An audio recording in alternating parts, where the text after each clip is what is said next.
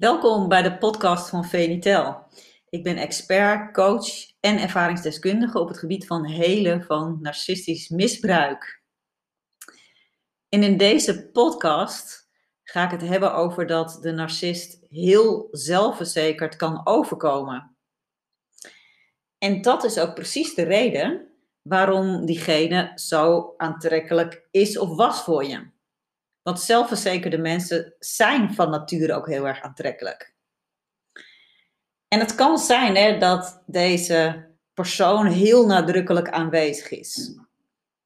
Ook in een groep van mensen.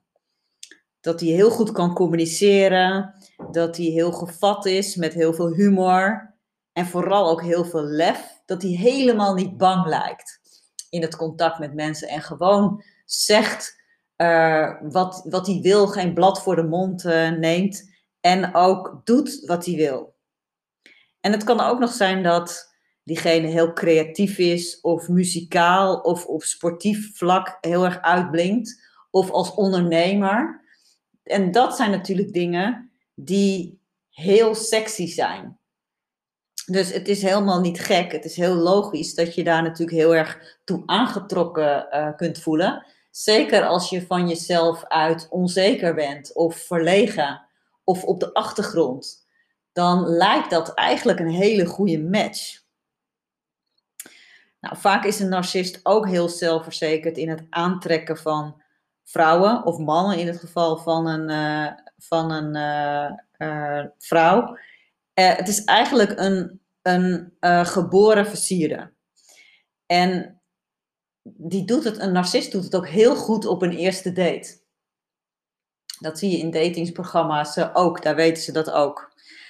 Ehm, ik heb het zelf ook gemerkt. Ik heb ook eens een keer een jaartje gedate.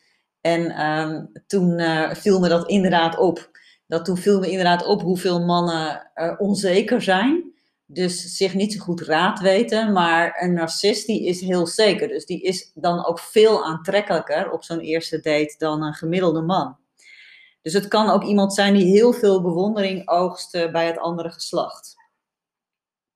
Maar bij de narcist is niets zoals het lijkt. En dat geldt ook voor dit zelfverzekerde voorkomen. Want de werkelijkheid is dat de narcist in de basis niet zelfverzekerd is. Dit is echt een masker, een hele dunne geacteerde laag. Want in de kern, in de basis, voelt een narcist zich heel erg onzeker. Heel erg klein, heel erg kwetsbaar. Dus het zelfverzekerde masker dient alleen maar om dit te verbloemen. Ja, en precies dit is zo moeilijk te begrijpen.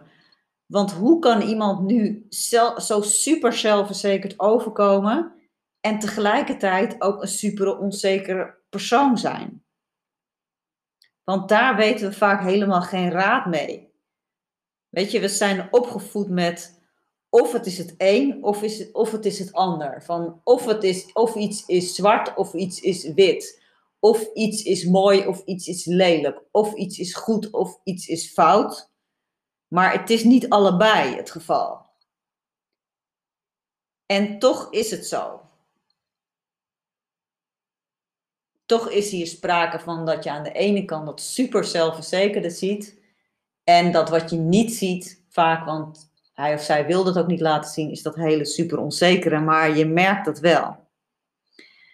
Dus ja, zo'n narcist is net als een acteur. En een goede acteur, een hele goede, die kan allerlei mogelijke rollen en karakters spelen.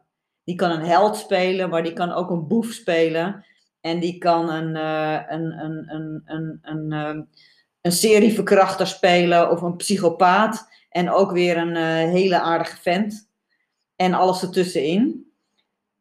Dus, maar dat betekent niet dat zo'n persoon, zo'n acteur die al die rollen aan kan nemen, ook zo is in het gewone leven. En precies dat is ook het geval bij een narcist. Ja, en dan is er ook weer een verschil uh, hierbij in de openlijke en verborgen narcist. Dus de openlijke narcist, die, waar het van afdruipt, die heel charmant is, heel extravert meestal. Um, uh, daarvan um, is die zelfverzekerdheid helemaal duidelijk aanwezig.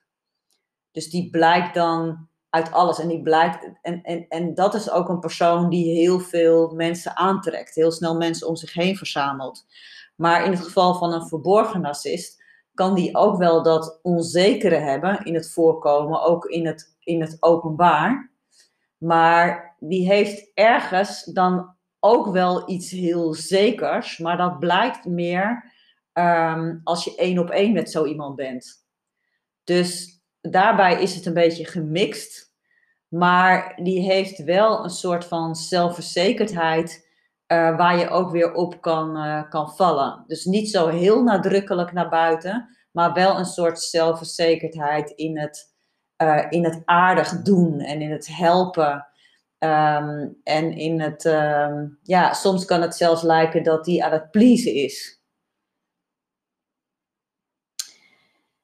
En de narcist zal er alles aan doen hè, om te voorkomen dat hij in het openbaar zijn onzekere zelf laat zien. Daar is hij doods en doods bang voor. Hij doet er ook alles aan om te voorkomen dat dit gebeurt. En als het gebeurt, dan slaat hij wild om zich heen om maar aan te tonen dat het absoluut niet aan hem, hem lag, maar aan de omgeving of aan jou. Maar zo'n uitbarsting zul je ook maar af en toe zien. En ja, het onzekere kan je nog het beste zien als je alleen met hem bent. Nou, als je in de narcist een rots in de branding zag, dan zul je vroeg of laat teleurgesteld worden. Het kan snel duidelijk worden. Het kan ook heel lang duren. In mijn geval duurde het 22 jaar voordat ik echt zag hoe het zat.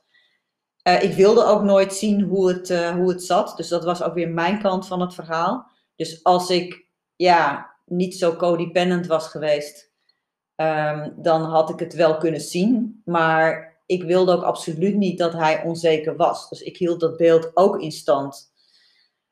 Dus ja, maar op een gegeven moment dan breekt dat wel. En dan zul je ook zien dat, het, ja, dat diegene gewoon nooit die sterke, zelfverzekerde persoon geweest was. Dat dat alleen maar een illusie is. Een illusie die hij probeerde te creëren en die jij ook heel graag wilde aannemen. En als dat dan gebeurt, dan zul je ook merken dat jij uiteindelijk de sterke bent en ook altijd geweest was. En dat hij of zij niet te redden is. Omdat een narcist wil niet aan zichzelf werken, die wil niet naar zichzelf kijken, die heeft geen zelfreflectie. Nou, als zoiets gebeurt, is dat een hele grote shock, maar uiteindelijk zal het leiden naar jouw bevrijding. Daarmee zijn we alweer aan het einde van de podcast. En vond jij dit nou een waardevolle podcast, dan abonneer je even, want dan krijg je een melding als er weer een nieuwe podcast klaar staat. En ik kan het ook heel erg waarderen als je een like geeft of een opmerking maakt. Ik zie je heel graag weer bij de volgende podcast. Doeg!